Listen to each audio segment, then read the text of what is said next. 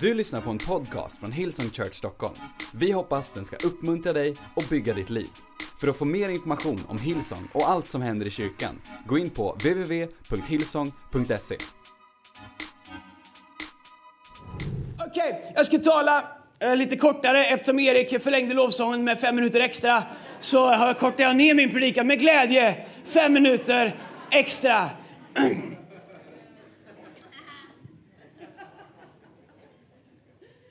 Tänk vad livet blir enkelt om man är flexibel.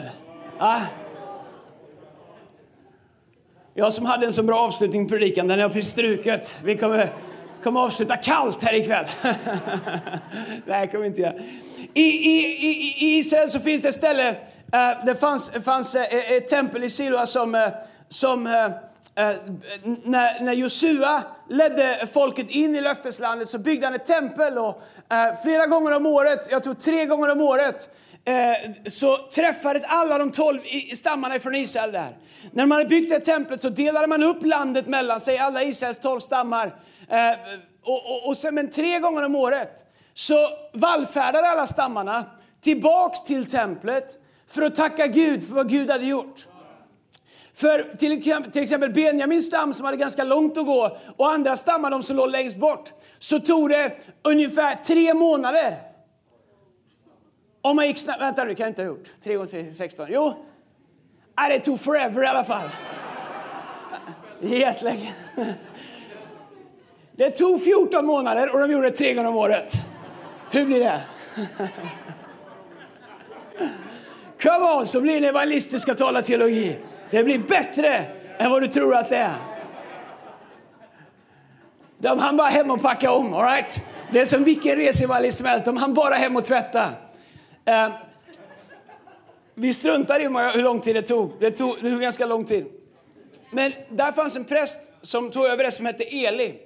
Eh, eh, man hade en präst och i, i, prästen var den som hörde ifrån Gud. Det var inte alls som det är nu att alla kan höra ifrån Gud. Nu kan du höra det från Gud. Eh, du kanske är, ovan att komma till kyrkan och tänker Åh, de som står upp mikrofoner, pastorer och sådär, de måste höra Gud jättebra. Och Gud, han talar lika bra till alla. Det spelar ingen roll om du är liksom prostituerad eller pastor. Det finns ingen som hör Gud bättre. Eller om du, är liksom, eh, om du jobbar på bank eller du jobbar liksom i kyrka. Gud talar till alla människor. Och det finns ingen som så här, Gud har som favorit som, som han liksom har, talar extra till. Utan det, Gud talar till dem som vill höra. Och Gud talar till dem som vill lyssna. Och, men på, på, så är det nu eftersom vi allihopa har den samma helige Ande. Men på den tiden så var det bara en som hörde Gud och som talade å Guds vägnar. I perioder så kallades bara en präst och i perioder så var det en profet. Eli var präst i det templet. Det fanns en kvinna som hette Hanna. Hannas största längtan var att få ett barn. Och hon kunde inte få något barn. Och hon gick till Eli och sa, be för mig. Och jag lovar att om Gud bara ger mig ett barn så kommer jag ge honom till Gud.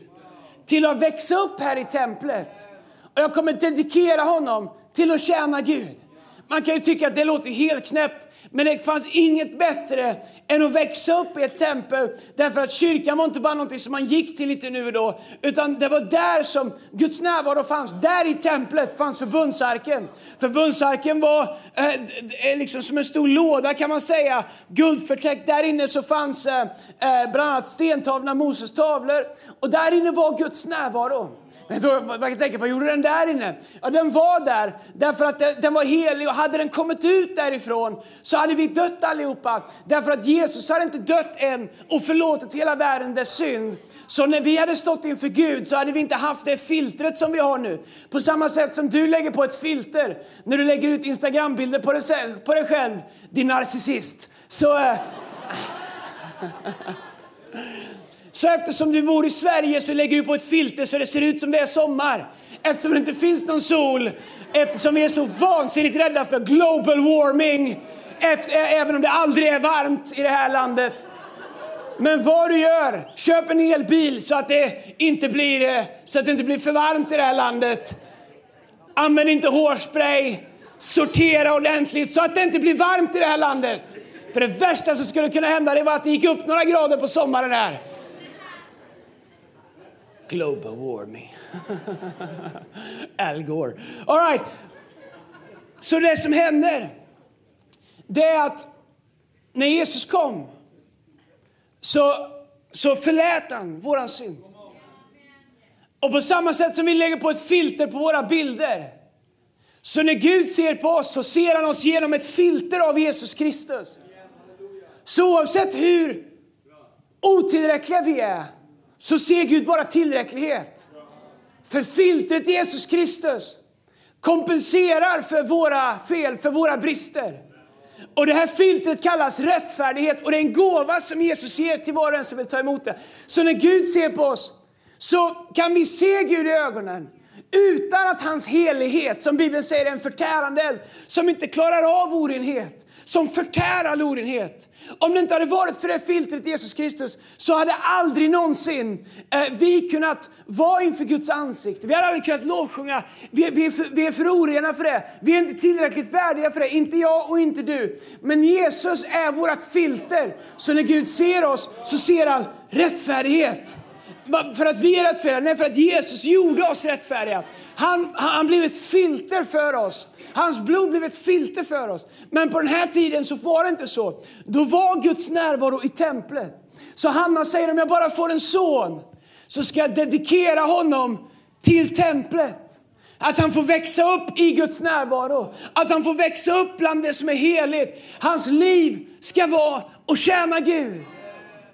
Man kunde inte säga han ska tjäna Gud men han ska göra det här bort i Benjamins del av landet eller i Dans del av landet. Nej, Gud var stationär. Och Gud hade en talesperson och hade en representant, en präst som hette Eli. Okay? Det som händer är att Hanna får en son, hon får en son som heter Samuel. Och det står att när han var avvänd, jag tror att det betyder att han inte ammar längre. Eller att han var pottränad, eller du vet han var så här rumsren. Han var som vilken valp som helst, man hade lärt att kissa på träden. Han, han gjorde det inte inne längre. Då tog Hanna honom till templet och, och vet, så, Eli, ungkarl, gammal präst, få en unge liksom så här, som inte är färdigtränad än. Kan jag tänka, förstör hela Guds liksom, ordning där inne. Kan du, kan du liksom gå in i det allra heligaste? Nej, det går inte. Samuel har bajsat på sig, jag måste lösa det här. Så Hanna kom med Samuel när Samuel var avvänd. Han var liksom rumsren, avlusad, han var vaccinerad och klar för att lämna in till Guds tempel. Och Samuel växer upp där. Och en dag, en natt, så börjar Gud tala till Samuel. Och jag skulle bara vilja tala några få minuter om att du kan höra Guds röst. Om att Gud vill tala till dig den här sommaren. Det står så här i Första Sångsboken kapitel 3, vers 1. Vi ska läsa 10 verser för er som har slarvat med, med andakterna här på sommaren. Pojken Samuel gjorde tjänst inför Herren hos Eli. Jag ska pausa där och jag vill bara skicka med en sak till alla er som är med i team. Jag tänkte på det här när jag läste det i morse. Vilken kraft det finns i det statementet. Pojken gjorde tjänst inför Herren hos Eli. Jag skulle bara vilja påminna dig den här sommaren när du kunde åka till stranden, när du kunde liksom, jag vet inte vad du gör, åkt och plockat jordgubbar eller gjort vad, vad man nu gör på sommaren. Uh, att det vi gör när vi tjänar Gud, oavsett hur mänskligt det är, packar lastbilar, städar upp efter andra, hänger högtalare, är att vi gör tjänst inför Herren. Och sen så är vi med i ett team. Glöm aldrig det. Ta med det som en påminnelse om att varenda söndag, varenda dag, varenda gång när vi tjänar Gud. Glöm aldrig bort att vi gör tjänst inför Herren. Och Bibeln säger att Gud blir aldrig någon något skyldig. Herrens ord var sällsynt på den här tiden. Och profetsyner var inte vanliga. Ungefär som idag. Guds ord var sällsynt. Det var inte så att alla gick runt och hade ett ord från Gud. Det var liksom inte som en sån här liksom överkarismatisk läger där alla gick runt och liksom småprofiterade för varandra hela dagarna. Utan Herrens ord var sällsynt. Men Hanna valde att ta Samuel dit Gud talade. Då står det så här, vers 2. Då hände en gång detta medan Eli låg på sin plats, alltså prästen. Hans ögon hade blivit skumma så att han inte kunde se. Han låg och slumrade lite helt enkelt. Guds lampa hade ännu inte slocknat och eh, det betyder att han inte hade dött. Och Samuel låg i Herrens tempel där Guds ark stod. Arken var där Guds närvaro är. Så Samuel sover där Guds närvaro är. Fantastiskt. Um, då kallade Herren på Samuel och sa, här är jag. Förlåt, då kallade Herren på Samuel. Här är jag, svarade Samuel. Därefter skyndade han sig till Eli och sa, här är jag, du ropade på mig. Men han svarade, jag har inte ropat. Gå tillbaks och lägg dig. Alla ni som är småbarnsföräldrar, ni vet exakt vad det är som händer. Man har precis somnat och ungarna kommer in och ska prata. Hos oss så stör det bara en av oss, mig. Det stör aldrig Lina. Hon vaknar aldrig av det. Helt oberörd. Antingen så, bara, jag, jag har ibland så tänkt att jag låtsas att jag inte hör det. Men till slut så går det till en gräns att vi måste få ett slut på det här. För man tänker, om jag bara väntar tillräckligt länge så kommer Lina att vakna. Det gör hon inte. Hon är helt känslokall för våra barn på nätterna. Hon bryr sig inte något om våra barn. Iskallt räknar de med att jag bryter min sömn som vanligt och går upp och hanterar ungarna. Medan hon sover. Så Eli han blir väckt. Hans ögon har blivit skumma. Det är som vilken rastafariklubb som helst. Ögonen har blivit skumma på honom. Och nu kommer Samuel och väcker honom. Herre, jag du ropar på mig. Men han sa, jag har inte ropat. Gå tillbaka och lägg dig. Och kom inte tillbaka om det inte är något väldigt viktigt. Och han gick och la sig. Herren kallade än en gång på Samuel och Samuel steg upp och gick till Eli och sa, Herre, jag du ropar på mig. Men han svarade, jag har inte ropat på dig min son. Gå tillbaka och lägg dig. Samuel kände ändå inte, ännu inte Herren. Jag tycker det är fascinerande att man kan vara så nära Guds närvaro och ändå inte känna Gud. Utan du kan komma till en kyrka varje söndag, känna av atmosfären men ännu, men ännu aldrig lärt känna Gud. Och om du inte har gjort det så kommer du få en chans i slutet på mötet att säga Gud, jag, skulle, jag vill inte bara vara där jag känner av dig, jag vill lära känna dig. Så Samuel sover bredvid Guds egen närvaro, men han har ännu inte lärt känna Gud. Så, äh, så han säger, gå och lägg dig. Samuel känner inte Herren och Herrens ord hade ännu inte blivit uppenbarat för honom. Herren kallade på Samuel för tredje gången och han steg upp och gick till Eli och sa, här är jag, du ropar på mig. Då förstod Eli att det var Herren som kallade på den unga pojken. Därför sa han till Samuel, gå och lägg dig. Och om han ropar på dig, så säg, tala Herre, din tjänare hör. Ni kan prova det på det ungar också, jag vet inte om det kommer funka. Men då säger han så här, tala Herre, din tjänare hör. Och Samuel gick och la sig på sin plats. Då kom Herren och ställde sig där och ropade som förut, Samuel, Samuel. Samuel svarade, tala, din tjänare hör. Och Gud började tala till Samuel. Gud talar till dig även när du inte förstår att det är Gud som talar till dig. Övertygad om att Gud har talat till dig hela ditt liv. Ända sedan du var i din mammas mage så har du hört Guds röst utan att veta om att det är Gud som har talat till dig. Ej, genom hela ditt liv, även om du är idag, så säger jag inte, jag tror inte ens att Gud finns. Det är helt okej. Okay. Gud är inte alls beroende av vad du tror om honom för att vara kapabel att tala in i ditt liv. Faktum är att Gud bryr sig inte om om du är en bra eller dålig människa. Han talar till dig ändå. Men, men grejen är att det finns någonting i våra liv där vi kan lära känna Guds röst. Och så mycket av kristendom som jag har sett under mina, mina år som pastor som snart är 22, jag började när jag var åtta.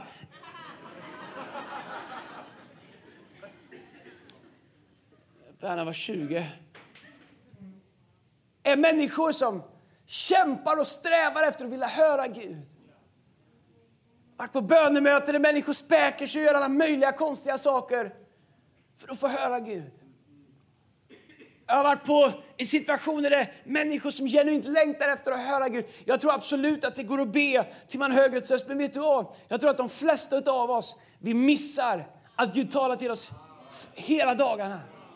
Att Gud försöker tala till dig i varje situation av livet. Att Gud försöker tala till dig i din vardag.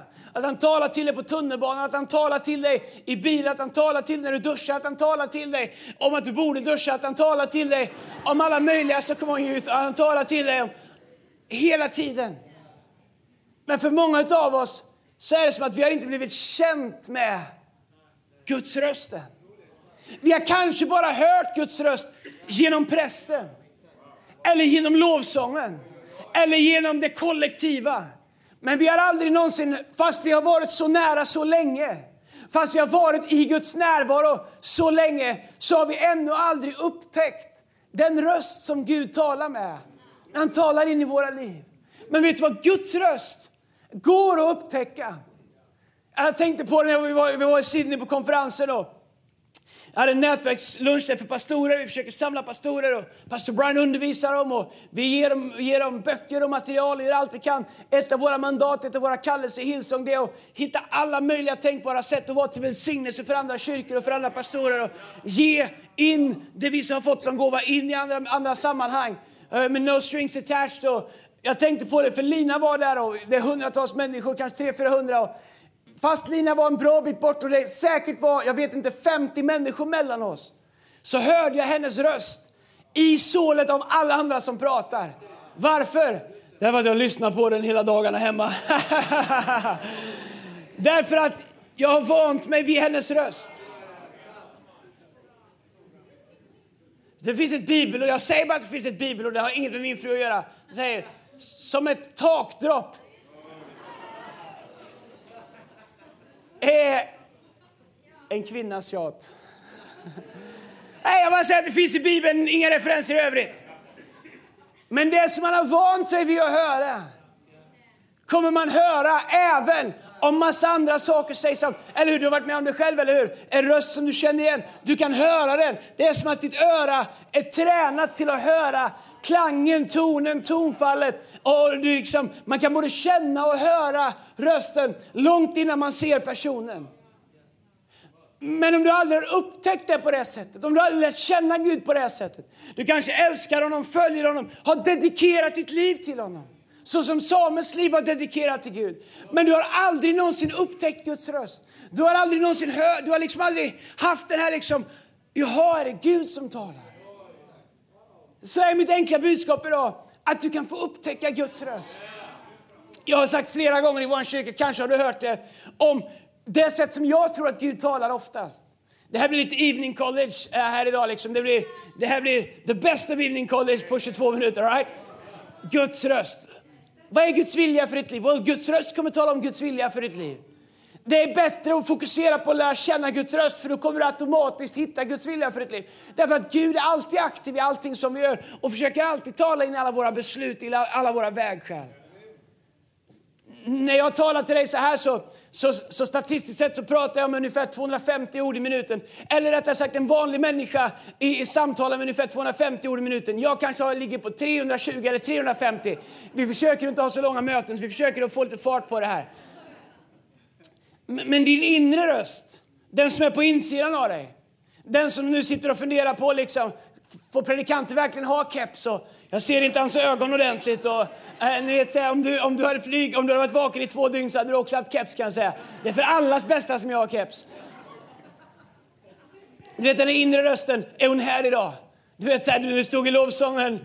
Behold I have a friend My spirit breathing holy life again Du vet den inre konversationen. Nej, hon står bredvid honom. Och du bara känner att du, du ska liksom upp ditt lovsångsgame. Du ser att han står lite så här. Du kör så här. Game on brother! Ni vet den här rösten som håller på hela tiden. Eller sånt där, vad, vad, vad ska vi göra ikväll? Ska vi gå hem? Nej, det ska vi inte göra. Jetlag! Ska... Du vet den där inre konversationen som håller på hela tiden. Vet du, vet hur många ord i minuten den pratar med? 1250. Så den går så otroligt mycket fortare. Det du säger till dig själv är så mycket mer avgörande än vad du hör. Om du inte hör Guds röst så kommer din röst vara dominerad av din röst. Och av vad andra människor har sagt till dig kommer att ha färgat din röst. Kanske din uppväxt, kanske din skolgång, kanske liksom den, den kontext du kommer ifrån, kanske den stad du kommer ifrån, kanske det sammanhang du kommer ifrån. Om du har vuxit upp bland människor som tänkte stort eller tänkte litet, om du har varit utanför 70-skyltarna, utanför stadsgränsen någon gång i hela ditt liv, eller om du har varit runt i hela världen. De, de, turen och omständigheter definierar mer. Vad, vad, vad, du har sagt till dig själv när du har tittat dig i spegeln, vad du har sagt till dig själv när du har jämfört dig med andra människor. Det har liksom gett färgen och klangen i din röst. Så när jag predikar, det viktigaste är inte vad jag säger till dig. Det viktigaste är vad du säger till dig om vad jag säger. Så jag vet att mitt viktigaste jobb, det är att prata med din inre röst. Om jag säger Gud är god, så vet jag att du sitter här som säger att Gud har inte varit god mot mig. Då måste jag säga någonting till det. Då måste jag försöka få dig att se att Gud har varit god. Det är min uppgift, det är min kallelse. Och så är det med våra liv också. Den här inre rösten som, hela, som, vi, som är liksom vår inre konversation som håller på. Vet du, jag är övertygad om att 99 av 100 gånger när Gud talar så använder han vår inre röst. Det är därför vi säger, äh, det där var bara jag som tänkte. Äh, det där var bara jag som hittade på. Gud kanske lägger någonting på ditt hjärta. Han säger, hej, gå till den där personen och säg det där uppmuntrande. Och du känner att det finns en viss risk i det. Och du förhandlar dig ur det, du förhandlar dig ur det därför att du säger, ah, det där var bara jag som tänkte. Men det var det inte. Det var din inre röst som Gud använder. När Gud använder så attachar han sig till din inre konversation. Och han går in i din inre konversation som du har. Och han börjar tala till dig. Alla vet det. Psykologer, terapeuter. Alla vet att det är vår inre röst som som formar vårt liv. Samuel. Han har vuxit upp bredvid Guds närvaro. Men han kände den ännu inte. Vet att du kan växa upp i kyrkan, du kan komma varje söndag, vara med i alla team, vara med i fyra connect-grupper. Men om du aldrig någonsin låter Gud få börja tala, eller rättare sagt om du aldrig bestämmer dig för att ta chansen för att verkligen få ett eget möte med Gud så som Samuel fick när han säger tala Herre, din tjänare hör när han gör sig tillgänglig för Guds röst. Fast det låter precis likadant fjärde gången som det hade låtit de första tre gångerna när han var övertygad om att det var en människa som pratade till honom. Om du inte låter Gud få göra sin röst känd i ditt liv så kommer ditt liv definieras och formas av vad du säger till dig själv. Och då är det en blandning av slump, en blandning av vad du, din, din egen eh, självuppfattning och olika saker som kommer forma ditt liv. Och utifrån ditt liv kommer du använda ditt liv för att forma din gudsbild. Och istället för att Gud får forma ditt liv genom att du hör hans röst och han får tala till dig, så kommer ditt liv och det sätt som du har låtit din röst forma ditt liv, helt plötsligt forma din gudsbild. Så när någon säger Gud är god, ja det har han inte varit mot mig. Utifrån min inre konversation så har Gud inte varit god, alltså kan han inte vara god. Det är därför som vi måste lära känna Guds röst. Det är därför vi måste höra Gud tala. säger vadå? Höra Gud tala. Och kanske har du trott att höra Gud tala det är, liksom, det är liksom blixtar och dunder och magiska under när man går i sina gyllene skor och när man är eh, 1985. Louis, Rickard och Per. Ni var inte födda många av er då. Man kan veta hur gammal någon är i ungefär när deras kritik till när Melodifestivalen förändras. vilket år de börjar kritisera förändringar i Melodifestivalen. Då vet man ungefär hur gamla de är. De säger Melodifestivalen var bättre för och det de säger därefter definierar hur gamla de är ungefär. När de säger att det var bra. Om det är liksom, det börjar likna Kärlek banne mig 69 eller om det är 83 eh, liksom, eh, Främling eller 85 Herreys eller om det är, eh, om det är vad heter den, När vindarna viskar ditt namn med Indianen. Eller när du tyckte att det var bra definierar hur gammal du är. Eller du säger Melodifestivalen var inte bra innan Viktor och Samir kom in och dansade nakna på Sergels torg. Tillbaks till den här predikan som ballat. Jag har sex punkter, jag kommer inte hinna till någon. Sju har jag.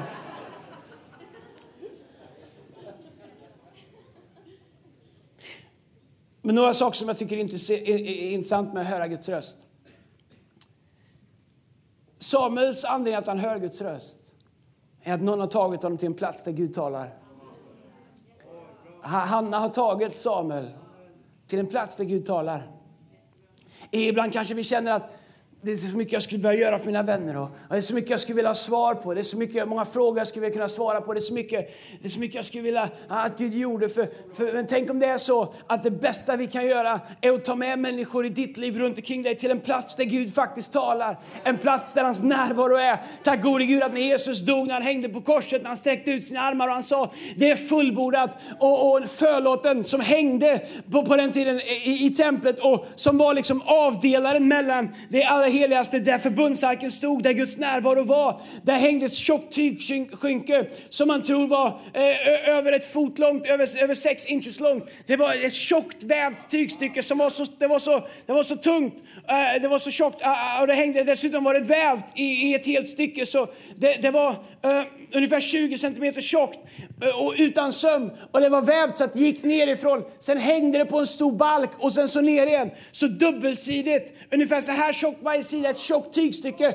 hängde där. Och där innanför stod den här förbundsarken. Här, nu är vi liksom när Jesus ges liv på korset för 2000 år sedan. Men det är, det, det, det är hundra, hundra, hundra, hundratals år senare än Samuel när han låg där. Men samma förbundsark som Samuel sov bredvid när han hörde Gud tala är nu här inne i allra heligaste. Och när Jesus dör på korset så står det att den här förlåten, den här tjocka förlåten med tygstycket som var dubbelvikt, det brister uppifrån och ner, rakt ner. Och helt plötsligt så blir det som har varit begränsat för att vi människor inte klarar av det heliga. Helt plötsligt blir det tillgängligt för alla oss därför att nu är Jesus vårt filter.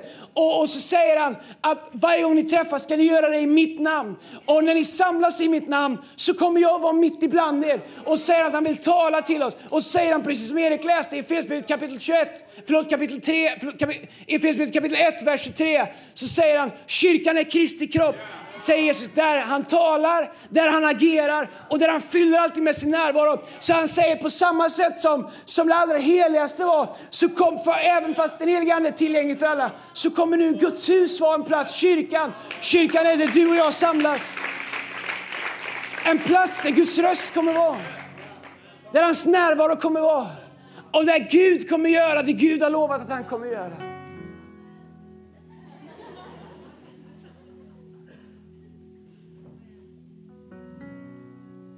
Tänk om det är så enkelt att människor kan få sina liv förvandlade. Och du behöver inte svara på vart dinosaurierna tog vägen. Du behöver inte förklara istiden. Du behöver inte förklara hur lång var Goliat egentligen. Var det verkligen så, stämmer det verkligen i Bibeln att David var tvungen att gå ut och skaffa 200 för, förhudar som gåva för att få gifta sig med sin fru? Det står det i Bibeln. För en del blir det liksom svårt att komma runt för att liksom kan det stämma? Men, men tänk om det är så att istället för att svara på alla frågor, om det är så enkelt som att vi är, vårt jobb är att vara Hanna. Att ta med människor till en plats där människor kan få möta Gud. Tänk om det är det vi gör. Din släkt, din familj, dina arbetskamrater, dina skolkamrater. Tänk om det är så att det finaste som går att bli, det största som går att bli i Guds rike, är Hanna. Hon som tog med Samuel till en plats där han kunde möta Gud. Då blir allt det här med kyrka så annorlunda. Då handlar det inte längre bara om mig. Jag, om jag kan komma eller inte, eller om det passar mig eller inte. Jag gillar den sången eller jag gillar si och så. Helt plötsligt så handlar det om något helt annat. Helt plötsligt så handlar kyrkan, helt plötsligt så handlar gudstjänsten, helt plötsligt så handlar liksom söndag, helt plötsligt så handlar connect-gruppen, helt plötsligt så handlar liksom, det, det handlar om att jag är, jag är Hanna. Jag är här för att ta människor som, som inte vet vem Gud är, som aldrig har hört han tala, eller som har hört han tala fast inte vet att det är han. Mitt jobb är att ta dem till en plats där Gud kan tala till dem. Och du tänker, kan Gud använda en sån som mig? Ja, det kan han därför att Kanske det största du kan göra är att ta med någon till en plats där Gud kan få tala. Och vet du vad jag tror att vi som kyrka behöver göra? Jag tror att vi behöver, vi, vi, vi behöver uppgradera bilden av hur bra Gud klarar sig själv. Ibland så ger vi Gud för lite cred av hur kapabel Gud är att själv tala in i människors hjärtan. Hur kapabel Gud själv är att nå in i människors liv. Kanske är det så att vårt viktigaste jobb är inte alltid tala Guds vägnar, säga rätt saker, ha svar på allting. Utan vårt jobb är att ta människor till en mötesplats. Vi behöver inte ta dem till ett tempel längre eh, eller eh, liksom dedikera våra barn till en präst eller till ett tempel. Men vi kan ta med människor till en plats där vi vet att Gud är. Därför att en sak som är committed committade till att varenda gudstjänst, varenda söndag så kommer vi ha lovsång här så att Guds närvaro känns i lokalen. Det kommer finnas ett ord från Gud.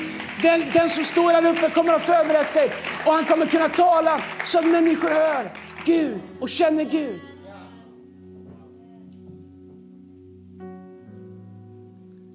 Men du då? Vill du höra Gud tala?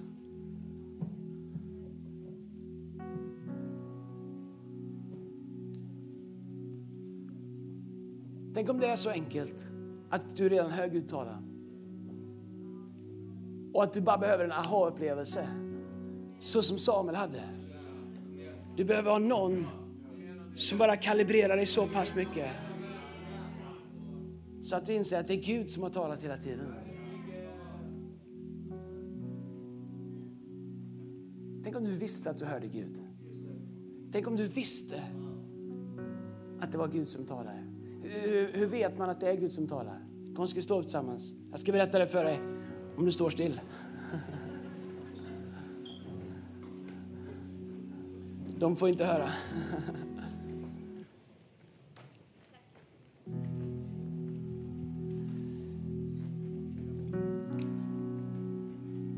Um, jag tror det enklaste sättet att... Är ni kvar? Det enklaste sättet att höra Gud, det är att göra precis som Eli sa till Samuel. Eli sa så här till Samuel. Han sa Samuel, nästa gång du hör, gör så här.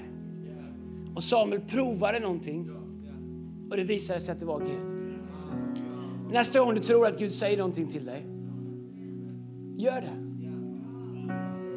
Och när det visar sig att det där, undrar om inte det där var Gud. Så nästa gång Gud talar till dig så kommer du känna lite mer självförtroende i att det låter ungefär som förra gången Gud talade. Så det kanske är Gud. Och så gör du det igen. Så på samma sätt som jag efter 15 års äktenskap den 17 augusti i år med Lina, thank you, och grattis till mig och bra jobbat Lina. så hör du helt, helt plötsligt så kan du höra hans röst även bland alla andra röster. Och det som tidigare var suddigt och en i mängden i din inre konversation börjar nu bli klart och tydligt. Kanske ser du människor och kanske ser de här uppe ibland och, och de säger saker, kanske profeterar om människor och kanske säger så. Och du tänker, hur kan de höra Gud så tydligt? Faktum är att de, Gud talar inte tydligare till dem än vad de gör till dig. Förmodligen är det bara så att de har tagit mer chanser när de var osäkra. Det första man måste titta på är det här som jag tror att Gud säger stämmer överens med Bibeln.